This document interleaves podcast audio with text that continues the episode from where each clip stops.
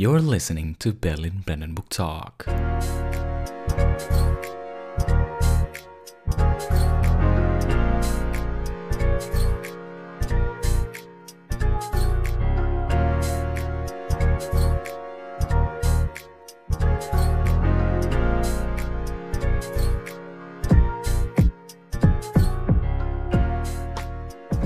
Guys, welcome to this very special episode of To Be Talk with me, Kinasi. And me, Molana. So this episode is going to be a bit different to the past episodes we've done before because we're going to talk specifically about the colonial legacy in Indonesia Mm-hmm. and more specifically whether or not the culture of having domestic worker in Indonesia is part of that colonial legacy. True. So maybe before we talk more about that, we can press rewind a bit and um, recap the colonial history of Indonesia and maybe mention some of the big powers that has ever colonialized Indonesia and yeah, in one part of history or the other. So maybe you can talk more a bit Okay. about that. Sure, sure, sure. So let's talk a bit about the background of Indonesian colonial history. Colonialism and imperialism have been practiced by Europeans since the 15th century throughout the world until finally entering the previously called Nusantara, which is now Indonesia. Hmm. At that time, the background of Europeans entering the Indonesia area was caused by several things, such as the fall of Constantinople in the Mediterranean region, to the rule of the Ottoman Turks in 1453, the decline in the economy and trade of Europeans, and the Industrial Revolutions. The first, one of the first countries that colonized Indonesia was Portuguese. The first Western nation to arrive in Indonesia were the Portuguese and the Spanish. The Portuguese started their journey led by a sailor named Bartholomew Diaz. In 1486, he wanted to sail to India but failed, so that his voyage only made it to the southern tip of Africa, which is now known as the Cape of Good Hope, hmm. if I'm not wrong. Bartholomew's dream was then continued and realized by Vasco da Gama, who managed to reach Calicut, India in 1498. Then, the Portuguese continued to vo- the voyage to Malacca Strait in 1511, led by Alfonso de Albuquerque. Maybe I can continue about the Sure, sure, sure, sure, sure. You can continue with the Spain. So, um, the Spanish people, first led by Juan Sebastian de Calano, please um, pardon my pronunciation. The Spanish managed to reach Maluku in 1521. It's an, an area in Indonesia. But unfortunately, at that time, the Portuguese were already in the Maluku early, so that there was a conflict between the Spanish and the Portuguese, which was later won by the Portuguese.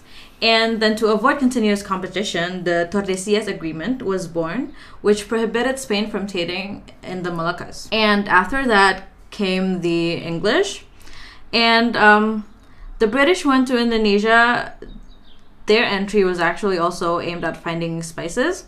Its explorers are Sir Henry Middleton and James Cook. Henry Middleton began exploring in 1604 from England along the waters of Cabo da Roca in Portugal and the Canary Island. Henry Middleton continued towards the waters of South Africa to the Indian Ocean. He then arrived in Sumatra, then headed for Banten in late 1604. After that, he sailed to Ambon and then to Ternate, Tidore, and got spices such as pepper and cloves. Meanwhile, James Cook arrived in Batavia, which is modern day Jakarta, in 1770. hmm After the English, uh, after the British, um, then came the Dutch. The first Dutch voyage in Indonesia occurred in 1596 when Cornelis de Houtman and his fleet arrived at the port of Banten via the Strait of Malacca. To avoid competition between Dutch businessmen, the Verenigde Oost-Indische or East India uh, Trading Company Alliance was formed, which was abbreviated as VOC. VOC itself was founded on March 20, 1602, and was given special rights in the form of monopoly rights and sovereign rights. However, the VOC did not always bring prosperity and wealth to its home country because in the trade alliance there was personal and group corruption.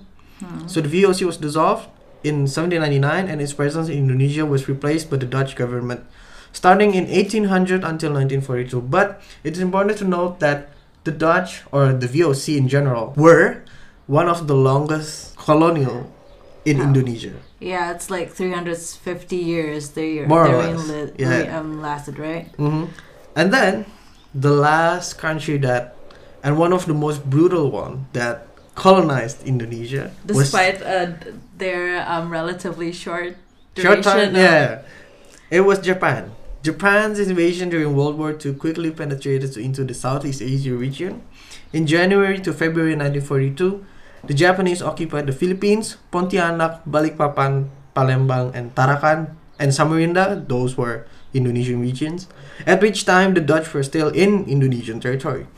The Japanese managed to land on the island of Java, precisely in Banten, on March 1, 1942, then also in Kragan in East Java, and in Eretan in West Java. Well, after that, four days later, the city of Batavia fell to Japanese. March 5th, 1942, after the Japanese managed to control some of these areas, finally on March 8, 1942, the Dutch officially surrendered to Japanese, and Indonesia was in the hands of Japanese until 1945. Wow, I mean, that's a colonial history like no other country in the Southeast Asian region has seen in history. But um, if we're talking about the concrete policies implemented by the colonial powers, apropos labor policies exploitation by the respective powers, could you maybe specify some examples? Yeah, I mean, we could divide it into two, two uh, general, like, categorization. First one by the Europe, uh, and the second one is by the Japan. Japanese. First one is by Daendels or from the VOC. VOC. In the social and economic fields, Daendels implemented various policy changes related to the exploitation of colonial lands. He required the indigenous people to carry out the mandatory surrender of their agricultural products, selling of Indonesian lands to the private sector, growing commodity crops that sell well in the international market, and collecting taxes on the indigenous people. He also monopolized the rice trade, printed money, and many other things. And the second one is from the British, from from a guy called Raffles. He he supported the abolition of forced labor or slavery. Um, although in practice, Raffles violated his own laws by engaging in slavery-like activities. Um, that's one of the famous one, and the other one is the politic of divide and conquer. That's also one of the one of the famous British uh, policies in Indonesia. And then the third one is from Van den Bosch or from the Dutch uh, government. He created a system in which farmers were forced to sell agricultural products only to the Dutch government and at the lowest possible price. He also created a forced cultivation system in which farmers are forced to grow certain crops they are very profitable in the world, such as coffee, sugarcane, spices, and so on. He also allowed the implementation of the forced labor system again. And for the Japanese, maybe Kinasi can elaborate. Yeah, of course. I mean, um, as we mentioned before, relatively in, compared to the European powers, in the three more or less years that the Japanese were in power of the Indonesian region, they have implemented far worse policies yeah. about these um, exploitation and forced labor um, problems. So first they had Romusha, which is the mobilization of the Indonesian people, especially uh, people from the Java region, the Javanese people, for forced labor in inhumane conditions. And although it received positive reactions at first, Romusha became the most cruel work system during the whole colonial era in Indonesia. and they were forced to build war infrastructures in Indonesia. They were also forced to go abroad. Some were sent to Vietnam, Burma, which is modern day Myanmar, Thailand, and Malaysia.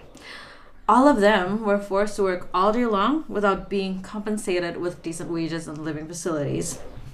And in addition to that, Japan also formed um, something called Jugun Ianfu, mm-hmm. which is um, a female workforce recruited from various Asian countries such as Indonesia, China, and Korea. Um, these women are then used as comfort women for the Japanese army. Around 200,000 Asian women were forced to become these um, Jugun Ianfus. And they also implemented something called dumping policy, which um, are policies carried out by selling products abroad cheaper than selling them domestically. And the purpose of this dumping policy is to dominate foreign markets and to produce all products that may be less developed. I mean, such policies, which has been applied during a pretty extensive period of time, are bound to leave a mark on the society and the continuation of the reproduction of values, which applies in the same society. So, mm, what are the direct implications or observable effects that are present in the Indonesian society back then? Okay, maybe let's start from the Japanese first. Jap- um, there are two implications. One is negative, one is positive. The negative one.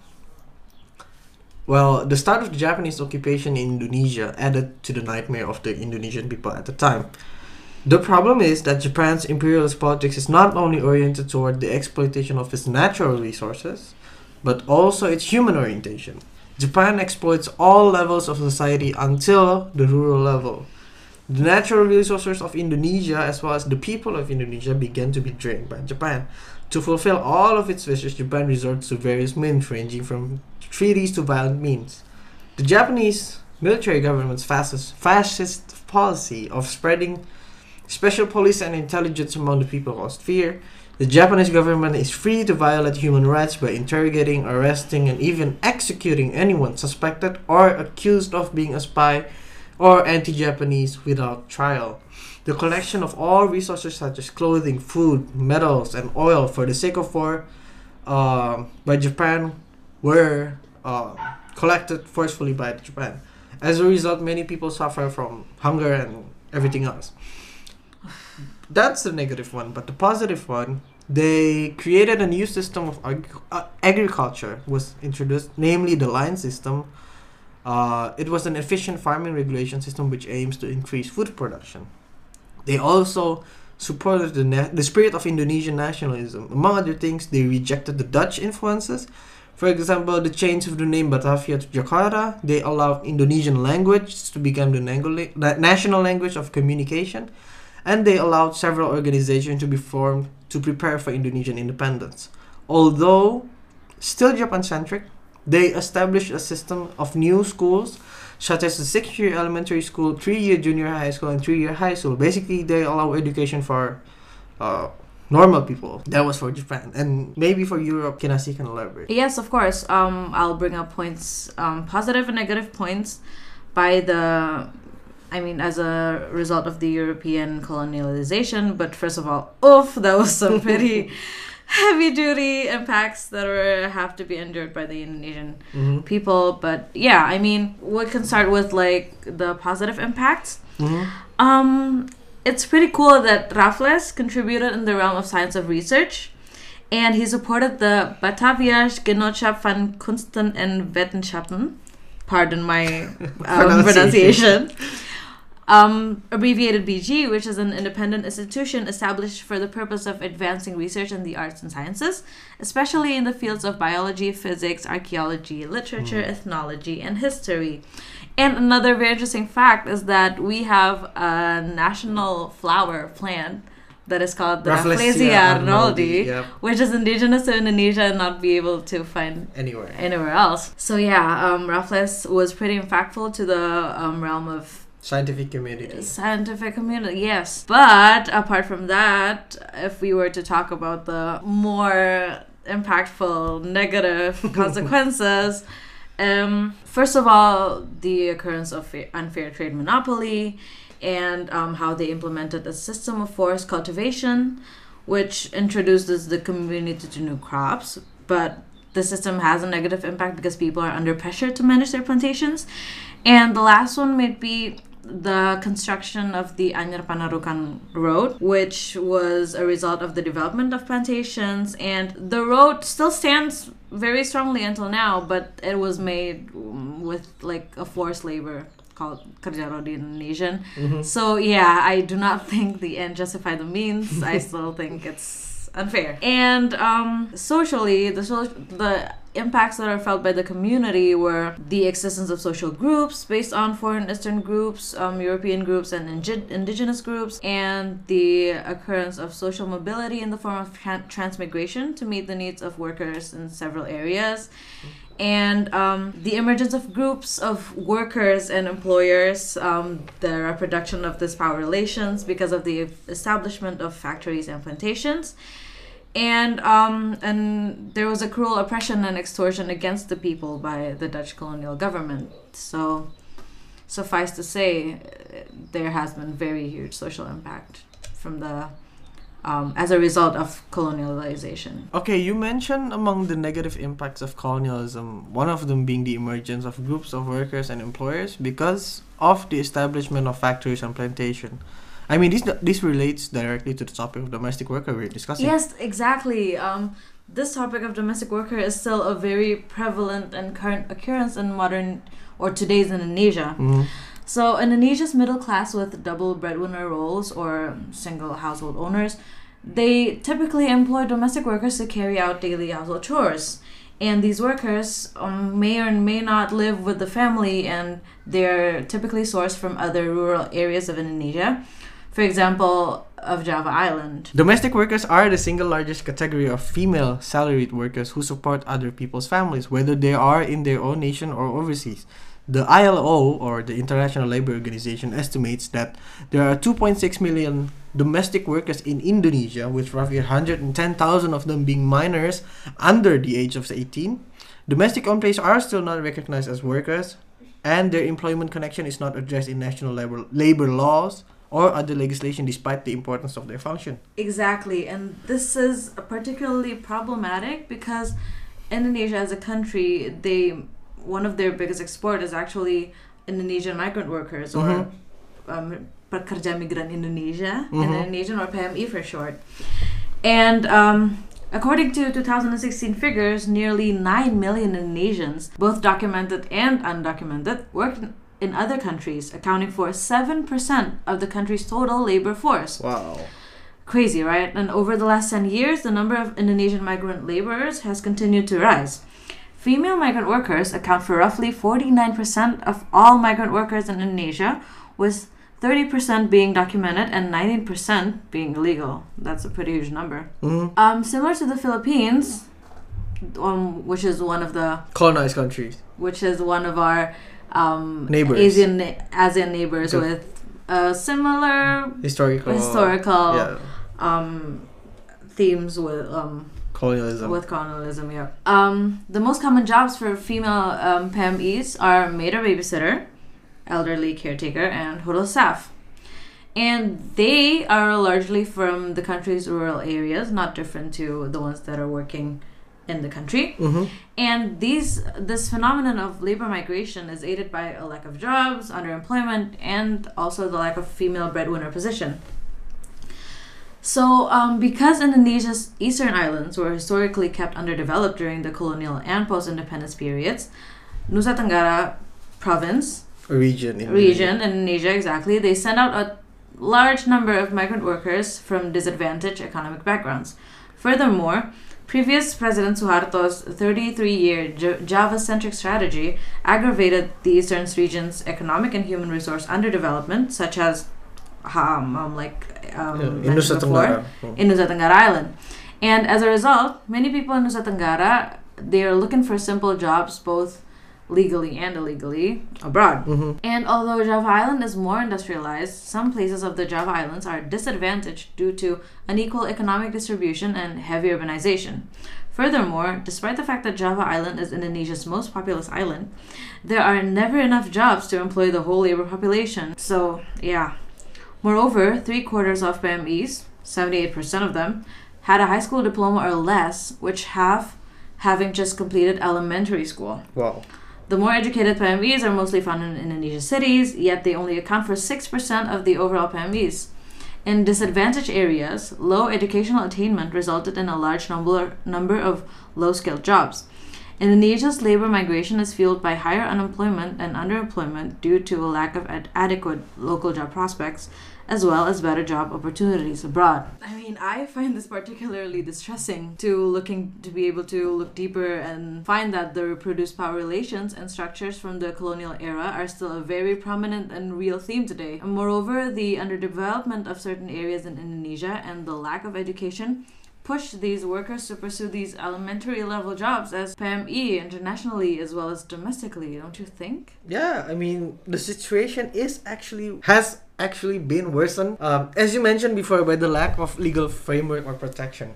Domestic workers experience various types of violence, such as economic violence. I don't know if it's the correct term to say economic violence, violence and physical violence. Based on the existing cases, there were uh, there was a lot of uh, physical violence. This happens because people still do not see domestic workers as real workers. Beside the power relation between employers and domestic workers, there is no clear regulation, unlike workers in the office workers. When we talk about the protection of domestic workers, the policy will have an impact on us. Based on public observations, when advocating for this issue to members of the parliament or the government, in many cases, they position themselves as employers, not as decision makers.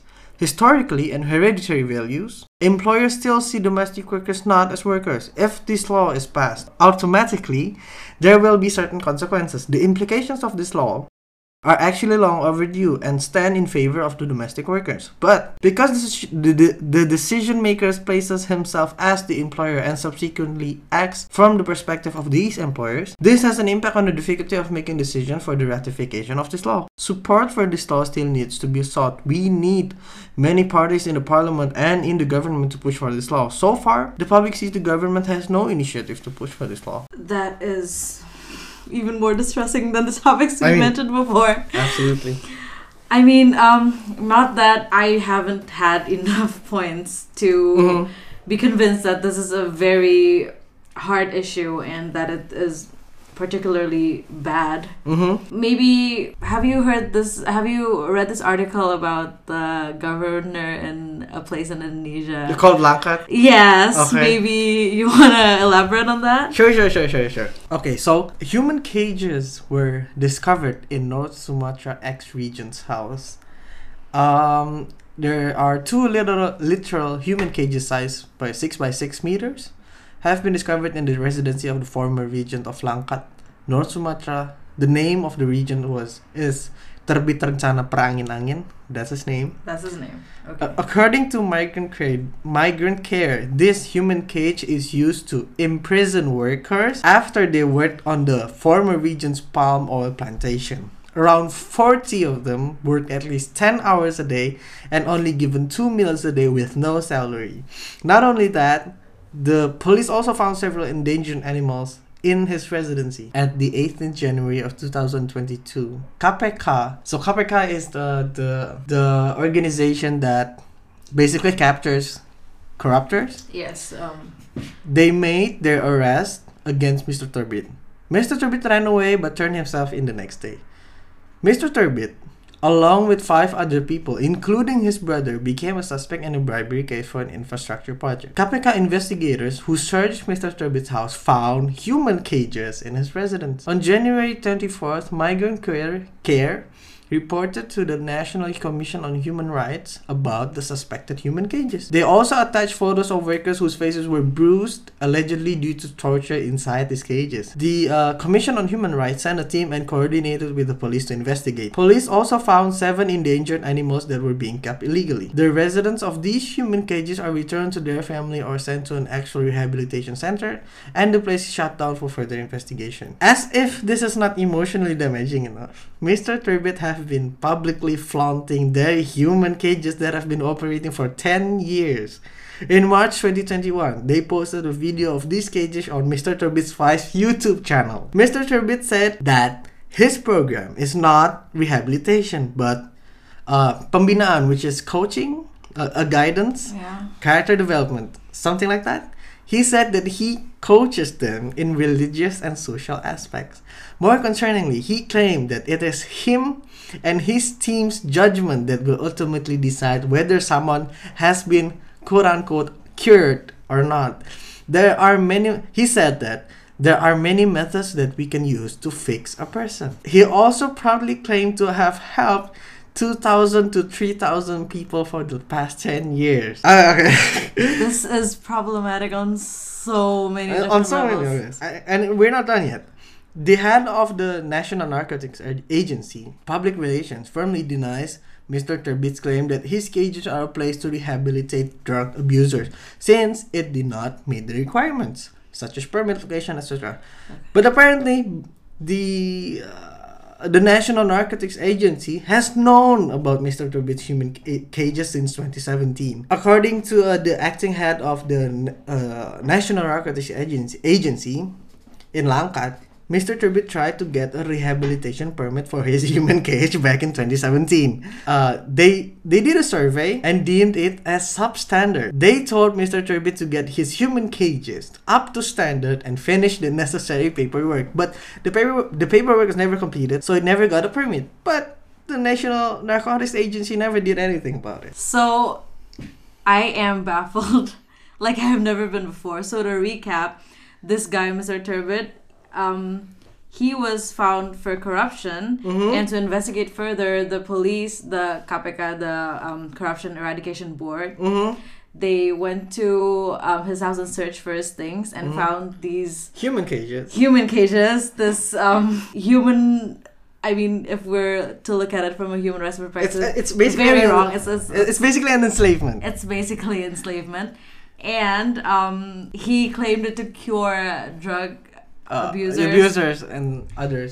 and the narcotics board know about this and he uploaded this on his youtube web um, channel and They did nothing and they did nothing basically i mean But there's a plot twist. okay But there is a plot there's twist. still plot twist There is still a plot twist. okay According to the North Sumatra police, many who were detained were sent by their parents, who signed a declaration form saying they won't ask their kids to be sent home except by the permission of those in charge and to not sue if anything happens to them. Parents send their kids there not only for drugs but also for juvenile delinquency. The head of North Sumatra Public, Police Public Relations said the parents and the locals said that these cages are decent and according to their standard. He himself was very confused since he thought that these human cages were very substandard. More confusingly, one of the detainees with the initial JS told the police that he was there to be better from drug abuse and is satisfied with the stay.